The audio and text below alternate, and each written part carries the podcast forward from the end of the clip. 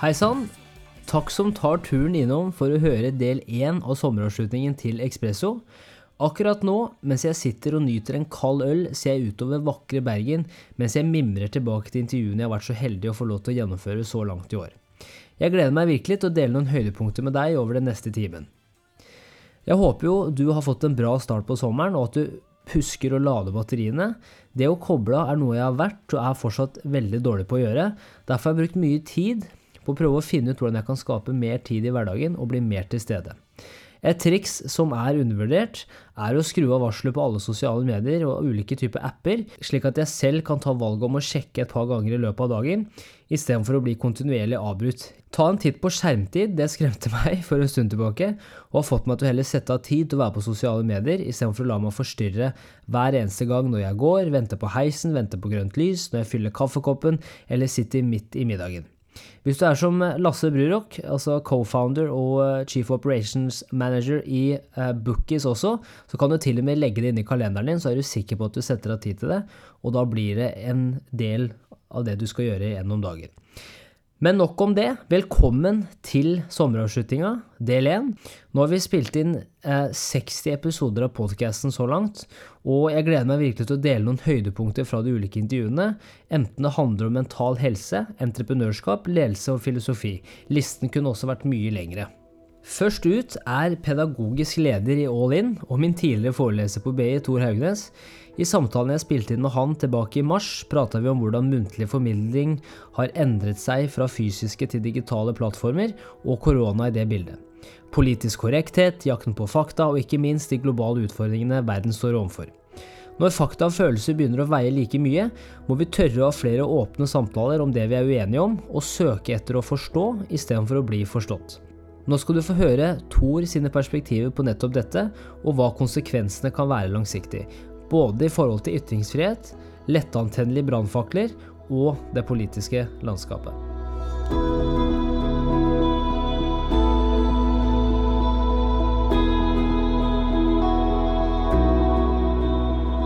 Ut fra hvert fall sånn det, det, ser ut nå, da, så har vi fortsatt evne til å være uenige, men på en måte fortsatt ha saklige diskusjoner om det. Veldig ofte, i hvert fall.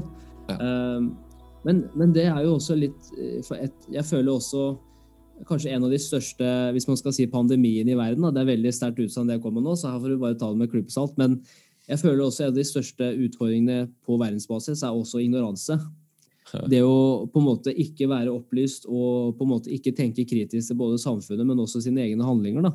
Um, og veldig ofte det handler jo også det om kommunikasjonsbildet og, og, i forhold til hvordan er det man klarer å stille seg objektivt til hva som blir fortalt til deg. Um, og ser man på USA, så, for det er et klasseeksempel, så mye som har skjedd der de siste året, eller de siste fire årene, um, hvor det på en måte er veldig sånn Enten så er du med oss, eller så er du mot oss. Mm. Og veldig ofte så er det venstre mot høyre. Um, hva, hva, tenker du om, om den påvirkninga i Norge? For jeg føler at det er også veldig viktig både som på en måte arbeidstaker, arbeidsgiver og også samfunnet. da. Her er det mye, og det er veldig gode spørsmål, Henrik. Eh, vi har jo de siste åra sett at vi importerer andres problemstillinger, og så lager vi det til eh, lett, lettantennelige konflikter. Mellom utenforskap særlig. Altså, dette, handler om, dette handler om økonomi. Dette handler om de som føler, og helt betimelig selvfølgelig, de opplever at de har det ikke så mye som de mener og tenker og tror at de burde ha hatt. Mm og, og, det er jo lett antennelig. Men så er det noe annet her som vi ikke snakker om. Du, du sier høyre og venstre. Jeg hører at du sier det, men jeg, jeg tror også at det handler om frykt, eller, eller en form for engstelse. For at man ser at det nå kommer endringer som, som går såpass fort. Det er usikkerhet knyttet til uh, hvor, hvordan kan man, liksom, kan man, opprettholde denne her uh, demografiske eller geografiske utviklingen som vi har hatt. Altså jeg, jeg, liker jo de gangene jeg får muligheten til å snakke om dette og sammenligne oss med Sverige. Svenskene la ned egentlig distriktene på 1950-tallet. Det var en villet politisk politikk fra Sverige, for at de kunne ikke ta seg råd med altså, det svenske folkhemmet som de hadde hatt, og som var vår rollemodell i, i hele mellomkrigs- og etterkrigstiden. Og så plutselig så avvek de fra den planen. Så bygde de industrisamfunn rundt sånne tettsteder. Sånn som Norge har utviklet seg også. Men vi har en annen type utfordring, for at vi ser at vi vil gjerne opp, ha retten til å leve sånn som jeg vil. Det er tilbake til hønespørsmålet. ikke sant? Hvis jeg vil ha de hønene mine, så flytter jeg jo et sted hvor det egner seg å ha høns. Hvis det er veldig viktig for meg. Det er det som er så spesielt. ikke sant? I Norge kan du velge det. Kanskje den, et av de få landene i verden hvor nesten alle sammen har muligheter til å hente ut ressurser. I hvert fall nok ressurser til å påvirke hvor du bor hen og hvordan du lever. Og Det gir jo den stemmen ekstra. Da blir det veldig mange stemmer som har meninger om hva slags samfunn vi skal skape. Som jo er det vakre med demokratiet. Mens det som har skjedd i mange andre land, der har reallønnsveksten stått stille. I USA har den jo stått stille siden 80-tallet. Der er det mye oppdemmet aggresjon. Og det er også mange flere nivåer i lagene på hvordan de orienterer seg for å nærmest spille politisk mynt på sånne litt sånne right wing eller left wing-bevegelser. Eh, det har vi ikke i Norge, men vi har tatt imot de Litt sånn som eh, jeg må, jeg må, jo nok en gang pirke litt Frp-greiene, som har prøvd å gjøre et nummer ut av ja, i tettbygde strøk i Norge, i Oslo f.eks. Der er vi i ferd med å importere svenske tilstander. Og da blir jeg så forbanna. Mhm. Det aller viktigste vi kan gjøre, er å snakke med disse menneskene. Det er jo ikke prøve å gi dem en jævla merkelapp. Men nå gjør jeg mhm. akkurat det samme. ikke sant? Nå gir jeg de Frp-brunsneglene akkurat samme merkelappen som jeg selv blir så forbanna over at de prøver å gi andre. Så jeg er jo ikke noe bedre sjøl. Men vi må prøve å snakke sammen, slik at det ikke mm. ender opp at vår, hvor en følelse blir et argument. For da har vi tapt. Ja. Yes. Og det, men der er, det er, det jeg også er redd for, er at eh, måte, her kan man på en måte, Det er mange som kan spille en rolle i det spillet her, på en måte, men jeg, jeg føler også at i hvert fall i mediene, altså Før så handla det om på en måte å, å formidle den, sannheten. da, Føltes ut som i hvert fall formidlen, det Kanskje også for at vi ikke hadde internett, så vi visste ikke bedre. Vi måtte bare stole på hva mediene sa, ikke sant? Eller, eller de største mediene på en måte kom med. da. Mens nå så føler jeg på en måte at min følelse veier like mye som din sannhet eller som din fakta. Og at hvis ikke jeg liker din, altså hvis ikke jeg liker fakta som kommer til bordet, selv om på en måte det er bevist objektivt, da, men hvis jeg ikke liker det, så kan jeg fortsatt demonstrere at det betyr like mye som fakta, da, hvis det gir mening. Ja, ja, ja det er jo farlig. For ja. Du liker ikke Greta Thunberg, eller du liker ikke eh, Lan eh, Marie, du liker yes. ikke miljøbevegelsen, du liker ikke de Oslo-folka, du liker ikke bomringen, du liker ikke altså det, blir, mm. det, blir jo, det, er opp, det er jo lett å forstå. Dette handler om at man er utrygg. Yep. Men det er veldig vanskelig å argumentere med at jeg, jeg forstår at du er usikker. Eh, er ikke dette en sånn der Bjørn Eidsvåg-låt? jeg kan ikke grine for deg, men da, da blir det i hvert fall krangel. For Du skal ikke komme her og komme her og fortelle at du forstår kompisen din eller, eller mora di eller faren din, som, som, begynner plutselig å argumentere for at nei, nå går det for fort. Men det er akkurat det som skjer nå. Folk yes. opplever at disse endringene er unødvendige. Folk ønsker trygghet, de ønsker forutsigbarhet, de ønsker sånn som det var før. Samme problematikken man har i Amerika. En haug av forskjellige meningsytringer som har liksom kommet sammen denne ideen om at ja, hvis vi står sammen om dette, så skal vi i hvert fall være sterke. Og det er man jo, for man blir jo mange. Mm. Ja, og det, det, samme kan vi jo få her. At du får en sånn motbevegelse mot endringen. Yes. Ja, jeg tror, jeg tror, at det, altså bare det i forhold til politisk korrekthet er jo én ting, men du så jo også bare de siste to åra det der med Hva heter det på engelsk? altså Canceling culture. altså på en måte mm. at man Kanselleringskulturen. at det, på en måte at, La oss si en person har gjort mye bra innenfor et fagfelt, men selvfølgelig har kanskje spesifikke ytringer eh, på andre steder. da, um, Så har det så mye å si hvem som hyrer deg inn da, til å gjøre mm. den jobben eller ha den presentasjonen. eller på en måte hva enn det er for noe. Selv artister som på en måte er kjent for musikken og følelsene de klarer å skape hos lytterne, eh, de blir nå også kansellert hvis de har kanskje en spesifikk mening som kanskje ikke den, eh, den gruppa hører seg igjen i. da. Um, og jeg ser jo at det kommer til Norge allerede nå, uh, og det har jo vært der i mange år allerede. Men jeg er veldig redd for at hvis man ikke kan ha ordentlige samtaler med folk man er uenig med, og at det blir den der, eh, som vi har sett i USA, da, på steroider. Uh, på en måte Enten så er du mot oss, eller så er du med oss. Ja. Men det er ikke noe imellom. hvordan ser du Norge om, nei, og, og jeg, fem år, f.eks.? Det. det er jo økonomisk ulikhet som, ja. som, alltid trigger en eller annen form for reaksjon. Og, en, og, en annen, og så kan det selvfølgelig være noe ideologi her. Jeg skal ikke, jeg skal ikke ta fra folk retten til å mene noe annet. Det blir sånn, Jeg glemte å nevne vindmøllene. Det er også et veldig godt eksempel på sånn symbolpolitikk. Nå har det vært veldig dårlig håndtert av politikerne våre. Altså Der er det så skrekkelig dårlig håndverk at jeg blir så irritert på det også. Det, den beste måten å forankre en vindmøllepark på, er jo vært å, å koble det til lokal inntjening. Så at de kunne ha fylt opp eh, badebassengene sine og fått noen ekstra ungdomsklubber og, og, gjort ting som var helt strålende lokalt. Det er klart det hadde vært vindmøller overalt, for faen! Altså, det, er, det er, så dårlig, er, så dårlig, håndverk at jeg blir disse, disse menneskene representerer lokalsamfunnet våre. Så det, Du må jo skjønne incitamentene i hvordan folk er villige til å ta imot endringer. Du kan jo ikke liksom bare trykke det i halsen på dem og si 'gap opp, og dette smaker godt'. Det er jo tvangsfòring. Mm. Det er jo det vi driver med. Og når du lager sånne systemer som, som ender opp med at Det er jo ikke, er jo ikke rart at, at aggresjonen kommer ut på, på de symbolgreiene, da, på bomringer og bompriser og på vindmøller. Men det er jo selve endringen vi burde snakke om. Ja burde prøve liksom å, å, å, snakke om hvorfor og hvordan, og hvordan man kan lage kloke systemer. For vi har alle forutsetninger for det i Norge, å lage gode, kall det gjennomtenkte løsninger.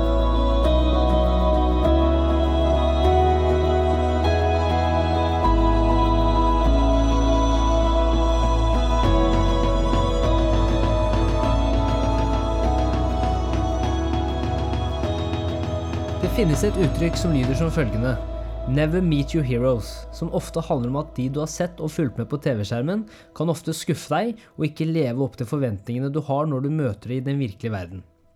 Dette uttrykket kunne ikke vært lenger fra sannheten med håndballegende og finaledeltaker i Mesternes mester, Håvard Tvetten. Håvard har vært toppidrettsutøver i mange år og blei gjennom karrieren en av verdens beste spillere og en stjerne i de beste ligaene i verden. I episode 45 prater vi om hvordan det hele startet, i en liten idrettshall på Stord, den magiske reisen som håndballspiller, og verktøy han har tatt med seg på veien som andre kan lære mye av. For meg selv så har jeg brukt visualisering ganske mye, både når det kommer til trening, men også karriere. Det kan være alt fra å holde et salgsmøte, til hvordan jeg ønsker at menneskene rundt meg skal ha det, og hvordan jeg ønsker at jeg skal få de til å føle. Så det er veldig interessant å spørre deg også, hva er ditt forhold til visualisering? Er det noe du benytter deg av hverdagen? Uansett så tror jeg du kan få utrolig mye ut av de verktøyene Håvard har brukt, og hvordan det har hjulpet han til å bli en av de beste i verden på håndballbanen, og også en som presterer og fortsetter å prestere i overgangen til næringslivet.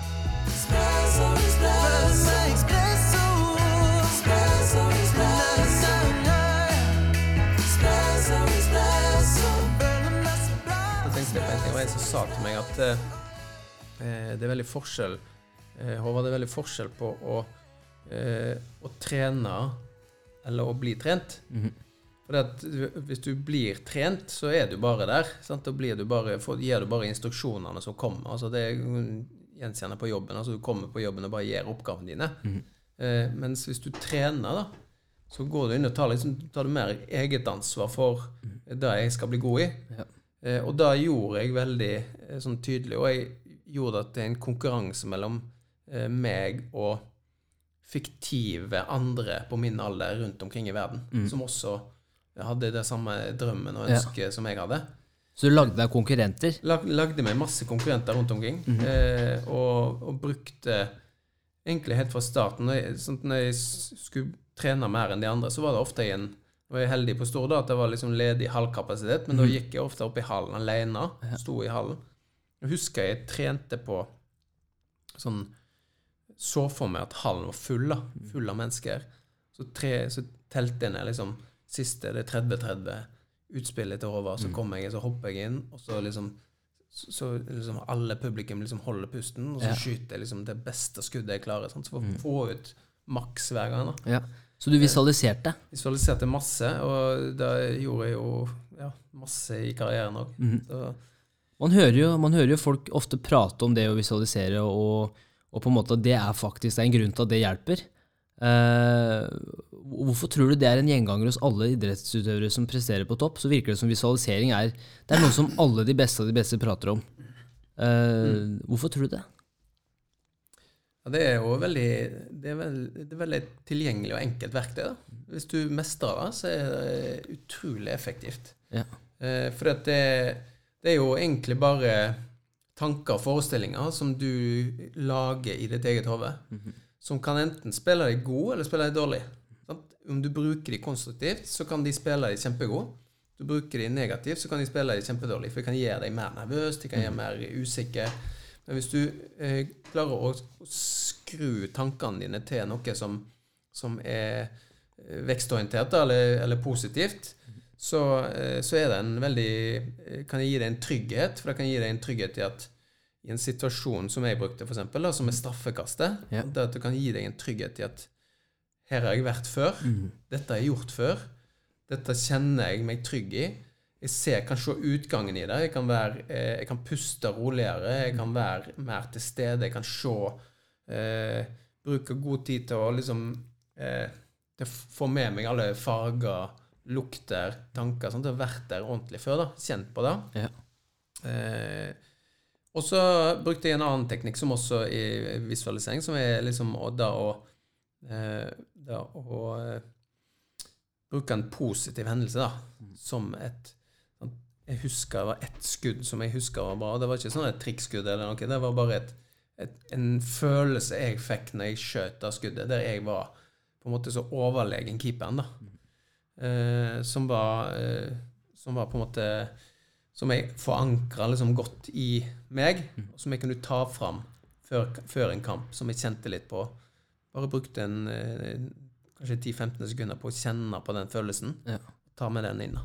Helt rått. Og det er jo, det er jo en veldig effektiv måte i, i alle fasetter av livet du skal inn i. Noe som du opplever som et, altså det å holde et foredrag, da, eller det å holde en tale eller en presentasjon for ei ledergruppe, eller, eller sant? Det, det, er jo, det er jo skummelt fordi at du tenker Altså tankene dine gjør at det er skummelt. Det altså gå frem til en talerstol er jo ikke skummelt. Nei. Så det å gå mot ei løve, liksom, er ikke skummelt. Det er jo tanken på at konsekvensen Ja. for hva som kan skje, som er skummelt. Så det er jo det å bruke liksom god tid på tanke Altså hvordan du klarer å styre tankene, det er, det er noe som som er mm, veldig trenbart, eh, men kjempeeffektivt Ja. i forhold til Ja. Som jeg bruker også masse nå da, Ja. i livet mitt. Ja, for det er, jo, det er jo det med å skape trygghet. Du, er akkurat du sa det, og da tenkte jeg på det. Så, sånn har det vært for meg jo nå. Hvis jeg har, hvis jeg har salgsmøter, eller hvis jeg har møter med Eller for eksempel nå, da. Nå har jeg et intervju med en person jeg ser veldig mye opp til. Så er det jo altså det er veldig fort gjort å, å choke, som man sier. At du blir redd for at, at altså, herregud, nå sitter jeg her med en person jeg har fulgt i så mange år. Men da, det jeg faktisk har gjort før det intervjuet, er at da har jeg prøvd å sette for meg sant, hva slags spørsmål skal jeg stille. Mm. hvordan kan jeg spille Håvard god? Hvordan kan jeg sørge for at jeg flyter i samtalen osv. Det virker som det funker. Ja, det funker som bare juling. Altså, du er kjempeflink, og det er jo eh, så Det å være forberedt er jo sant, en god sånn, Som du Ja. eh, beskriver at du er nå, sant, det er en veldig god ting å ha med seg inn. Mhm. Men også da å, å tenke igjennom hvordan blir dette, og, Ja. og hva kan jeg ha fokus på, og hva er det jeg er god til? Yep. Bruke det. Yes. Sånn, eh, så jeg syns du er god, altså. Fett. Fett. Da er vi ferdig. Nei, det var tull. men, eh, men det er jo en video fra når du var yngre. Når, eh, jeg tror det er tidlig i 2000.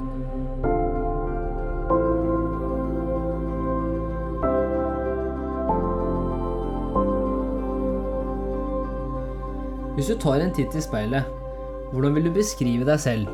Er du en som tar deg selv uhøytidelig, og som bruker humor i hverdagen? Vi alle vet jo at et smil kan forlenge livet, og når du trives, presterer du enda bedre i alt du gjør. Når det er sagt, er det ofte at vi kan ha høye krav til oss selv, og at det å feile er å mislykkes, ikke å lære.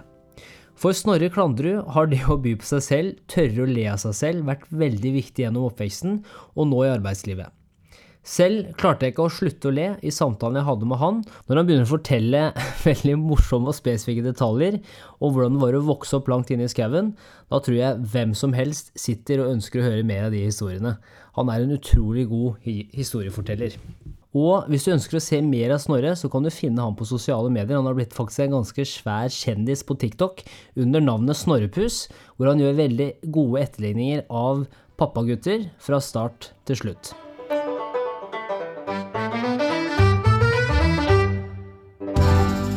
Nei, det er jo harde kår, da. Det er jo en kamp om å overleve. Jeg hadde jo, hadde jo tre, tre brødre, holdt på å si. Jeg hadde to brødre. Og Du hadde? ja, har, jeg har to brødre nå. Ja, du har det ennå. Ja, ja, de, de overlevde, de også. De klarte seg relativt greit gitt forutsetningene her. Da. Ja. Nei, men altså, Bor du på bygda, så er det jo, det er jo litt sånn darwinismen eh, som fortsatt pågår der. da, De henger litt etter. Eh, resten av Norge og verden er jo litt sånn på at, eh, hvem som helst overlever, men, men ikke på bygda.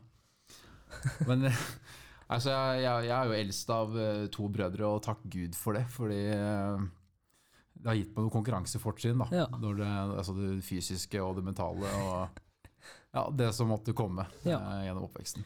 Og du har jo, jeg har jo hørt flere historier eh, fra disse brødrene og de du har vokst opp med, men du, du brukte jo yngste broren din som en skyteskive i mange år, hvor du prøvde å teste ut testa rett og slett hvor grensen gikk. Kan du Ja, dele noen eksempler? Du må jo tøye grensene litt og eksperimentere på diverse måter. Eh, altså Nå er det mange måter man eksperimenterer med familie på bygda, da. Men det er ikke, det er ikke, de, de, det er ikke den skitne måten nå. Når du kommer fra bygda, så er det ikke noe forskjell på, på, på arv og miljø, Nei. for å si det sånn. Nei, kødder. Det er ikke det vi skal det Men det det, er det er vel, ja vi må innom der, det er vel Det er vel, eh, holdt jeg på å si, Magnor Leirskogen som er Det er vel det stedet som har nest mest innavl i hele Norge etter Finnmark? Ja, ja, det topper statistikken. Altså, det er jo en slags eh, Østlandets eh, Finnmark, da, kan man vel egentlig si. Ja. Det er like usivilisert. Ja. Nei, men altså, noen triks oppi boka, noe jeg lærte underveis eh, i oppveksten Nei, altså, altså man må jo, må jo, Det er ikke så mye å drive med på bygda, da, så du må jo på en måte leke med det naturen og, og fattern har å by på. Så en, en, det var en dag Det var en dag eh, vi fikk bare en fem liter bensinkanne. og Pappa var inne med en ny dame og hadde en slags date i stua, så da måtte vi kidsa komme oss ut. Og da, da, da Men, hadde hva- vi jeg stoppe. Dere fikk en Altså, eh, nå i dag, i 2021, så ungene får en iPad. Og Sett deg gjøre noe spill i sånn Teletubbies eller hva det er for noe. ikke sant? Ja, Men, nei. så når fattern kommer hjem med ny Tinder-date, eller eh, sikkert Møteplassen, da ja. Chat- Chatroulette-date My på den tida. Heritage. Ikke noe Tinder der. Det er My Heritage som går på bygda. Å, sorry, jeg har god stemning. Men da Da, eh, da Sorry, ass. Det har vært en lang dag. Det er meg My Heritage det går i på bygda. Det er det jeg liker så godt som Tinder. Ok, men da, da kom han med en femliters dunk med, med hjemmebrent. Eller ikke hjemmebrent, da, men dere drikker jo samme uansett. Men kos dere med denne, nå skal jeg på date, var det så? Ja, nei, altså Dette var ekte bre, Ikke, bre, ikke brennevin, jeg altså, mener drivstoff. da, Bensin. Ja. Bensin. Og så, så var det bare fantasien som satte grenser. da Ja. Så da ble det etter hvert en konkurranse om å sette fyr på minstemann.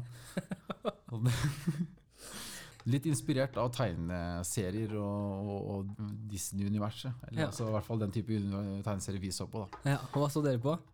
Nei, eller, altså, jeg, det, det, husker jeg ikke. Fortrengte minner. Eh, Ja, men Så bra. Vold, drap og blod. Ja. Nei da. Så var det jo en annen gang også, som også var tungt inspirert av eh, av, av, av litt sånn filmer og sånn. Ja. Hvor vi var på isen eh, og pilka. Og så tok jeg og, og til broren min og gjorde sånn som de gjør i filmer, og bare hakka hull i isen rundt lillebroren min. Og så datt han faktisk igjennom. Han gikk gjennom isen Ja. og ble klissblaut. Ja. Men uh, pappa var der, da, så det gikk, eh, det gikk bra.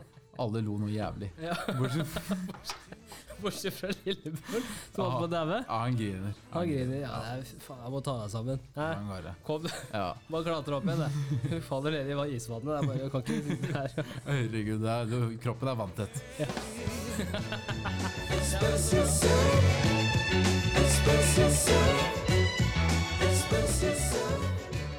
Det å være en egoist er ofte noe som blir sett ned på, gjerne i en negativ sammenheng. I episode 47 var jeg så heldig å få lov til å ta en prat med en annen legende jeg har fulgt mange år på TV-skjermen, nemlig Øystein Pølsa Pettersen. Jeg glemmer det aldri når han og Petter Northug tok gullmedalje i lagsprint under OL i Vancouver, og siden den gang har jeg siden den gang har han vunnet en rekke medaljer både i og utenfor skisporet, og i samtalen vår pratet vi om veldig mye, men det er to ting som skiller seg ut. Det å skape seg en god dag, og Pettersen sin egne definisjon på det å være en egoist. Veldig ofte er vi reaktive til livet istedenfor å være på ballen og være proaktiv. Det å ta ansvar for egen utvikling, lykke og helse. Øystein forklarer hvordan han selv har erfart dette, og hva vi kan gjøre for å få mer eierskap i hverdagen. At det å være en egoist, det er en som gjør valg som er viktig for seg selv i hverdagen, en som forstår hva som gir og tar energi, en som forstår at livet er et maraton, ikke en sprint, og ikke minst ønsker det beste for de rundt seg. Det å ta vare på flokken, ta vare på familien, og sørge for at man blir den beste versjonen av seg selv.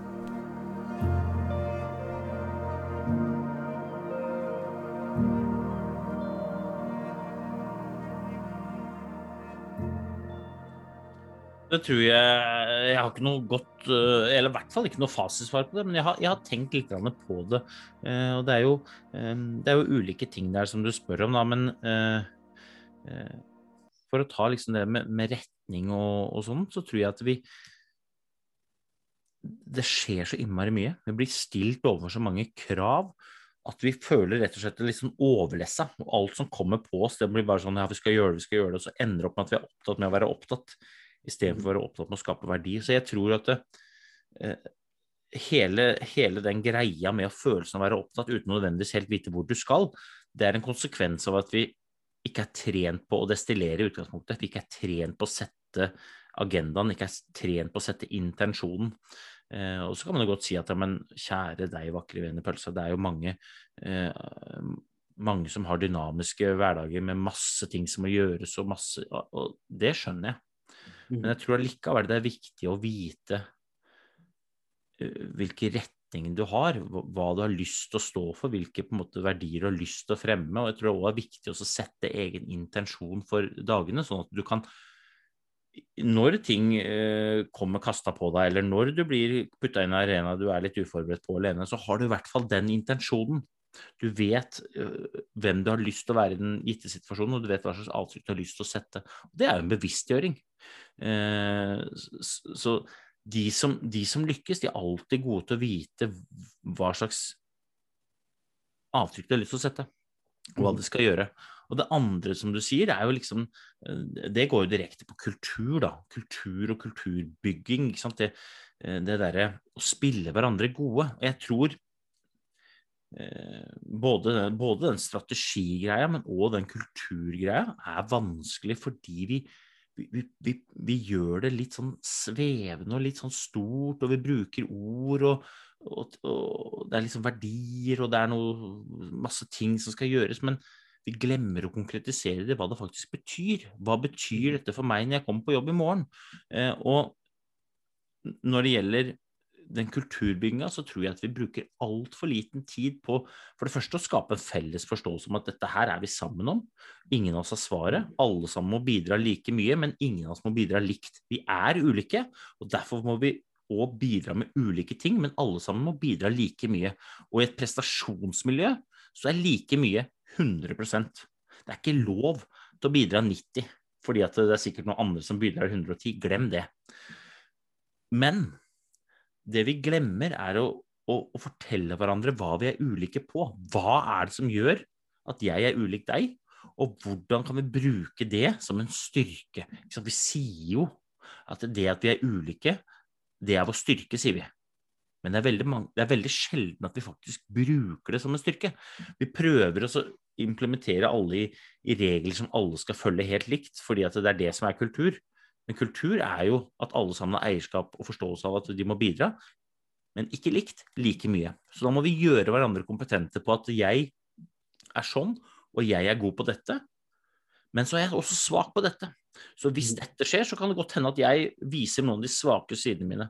Og hvis det skjer, så trenger jeg hjelp til å komme meg tilbake igjen på sporet. Og så konkretisere det ned i handlinger, hva du må gjøre. Og allerede da så har du fylt opp ganske mye.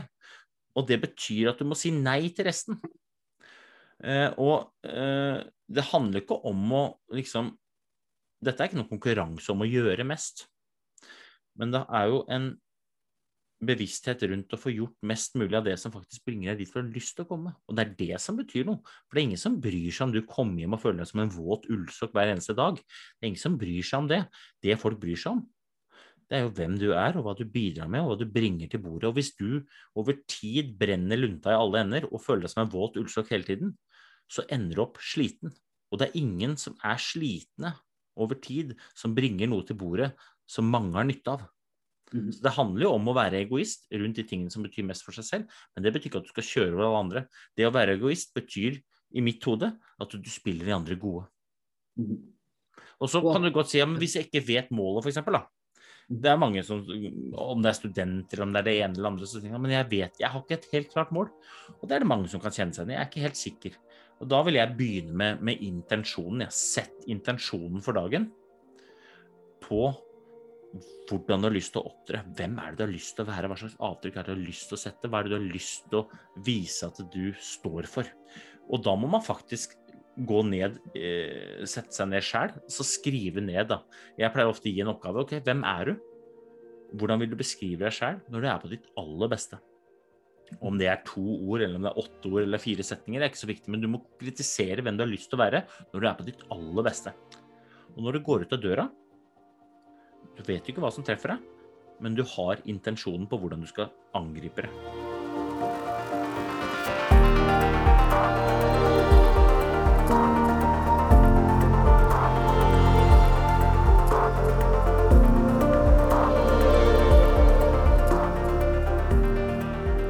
Rune Bjerke, eller Rune er kul som han heter på Instagram, har vært en bauta innenfor norsk næringsliv de siste 16 årene. I 2006 tok han over stafettpinnen som administrerende direktør i DNB-konsernet, og gjennom de neste 13 årene ledet han banken gjennom finanskriser, oljekriser, open banking med fintech og ikke minst etableringen av det som kom til å bli Norges mest populære merkevare og logo, VIPS. Med tanke på at de fleste podcaster Rune har vært med på, har rettet et fokus mot hans karriere som toppleder i DNB, ønsket jeg i episode 49 å bli bedre kjent med hans tidligere år, hvilke forbilder han hadde, hva slags tanker og ambisjoner han hadde i de 20-årene, og råd han vil gi til yngre mennesker på vei opp og fram. Hva slags tilnærming hadde du til på en måte work-life balance og det å faktisk både prioritere jobb, men også hjemmebane, og, på en måte det, å, det å forstå at det er et maraton på en måte, og ikke, ikke en sprint? da? Hvordan tok du vare på deg selv gjennom de hektisk, mest hektiske årene? For det første så tror jeg du må, du må, hvis du har en rolle som krever veldig mye av deg, så må du ha en evne til å koble ut.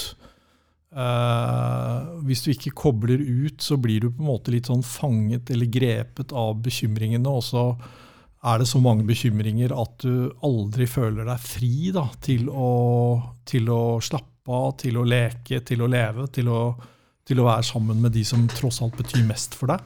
Så evnen til, å, evnen til å koble ut uh, må være der.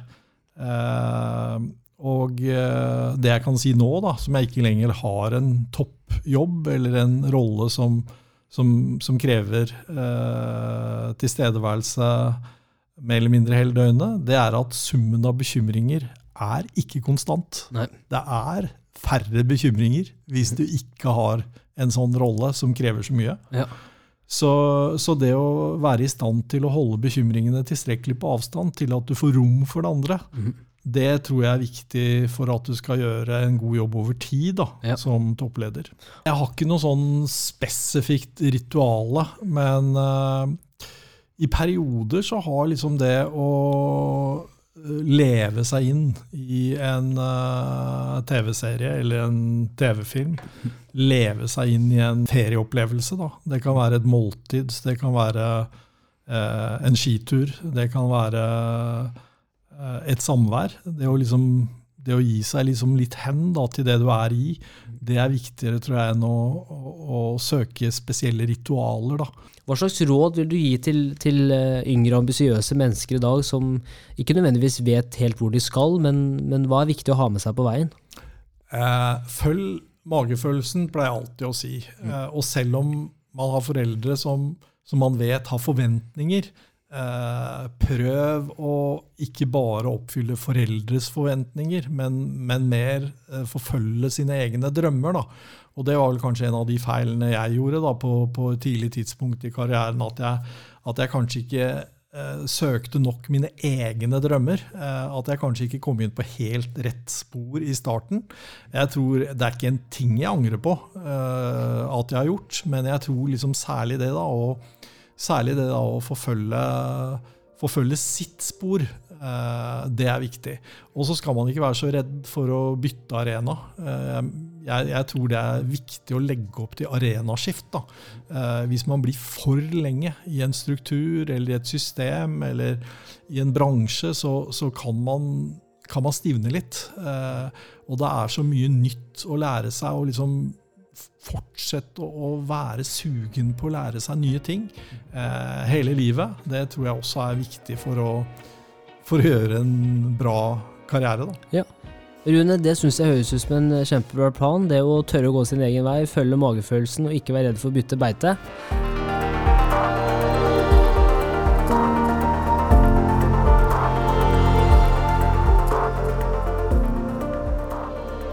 For en bukett av noen fantastiske mennesker. Og det som jeg syns er ganske interessant, er at selv om alle de menneskene her har forskjellige erfaringer, har forskjellige bakgrunner, så er det veldig mange ting de har til felles. Og det er i forhold til hvordan de tar ansvar for egen utvikling, hvordan de ser på mennesker de møter på sin vei. Og jeg syns det er utrolig spennende, for jeg ser disse likhetstrekkene bare bli sterkere og sterkere.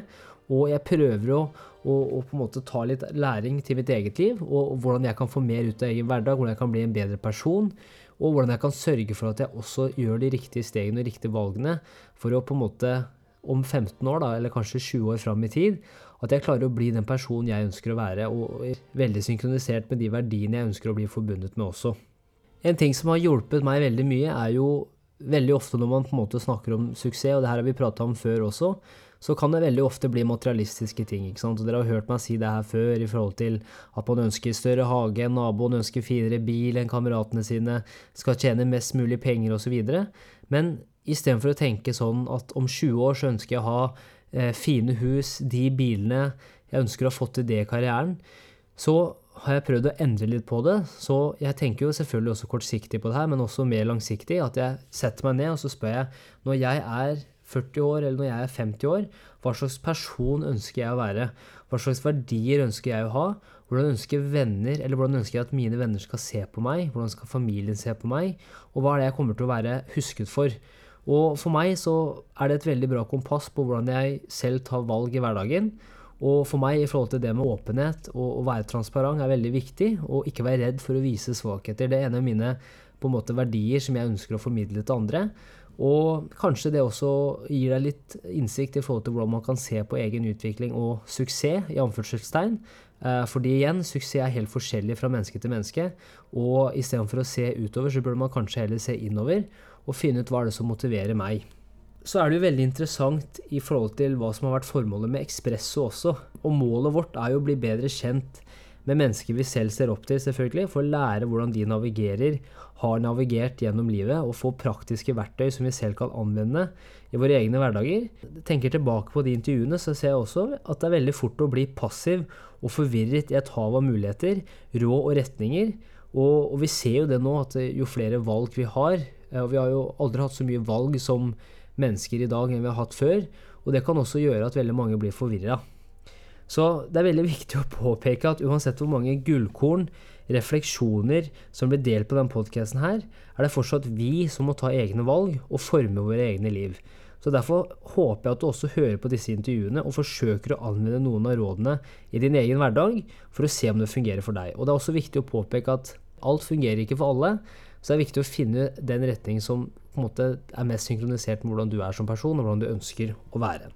Men man får jo utrolig mye ut av de menneskene her òg, og det hjelper jo å se på mennesker som har gått veien før oss. Jeg tenker jo det er viktig at man setter seg ned i forhold til det her og stiller seg spørsmål som hvem er jeg? Hva er det som gir meg energi? Hva er det som ikke gir meg energi, og hva bør jeg gjøre mindre av? Hva motiverer meg? Hva ønsker jeg å oppnå? Hva er suksess for meg? Hvor ønsker jeg å være om fem-ti år? Hva slags person ønsker jeg å være? Hva slags verdier ønsker jeg å bli kjent for? Det her var da Ekspresso sommeravslutning del 1, og jeg håper at det har vært en verdifull time for deg. Hvis det har vært givende, setter jeg også stor pris på om du legger igjen en vurdering og deler hvilke intervju som har gjort mest inntrykk på deg. I del to så skal vi få høre fra bl.a. Lasse Brurok, som jeg nevnte innledningsvis, Gaute Godager, Rune Temte og Yri Oftedal. Følg med. Jeg ønsker deg en god sommer, og tusen takk for at du hører på Ekspresso.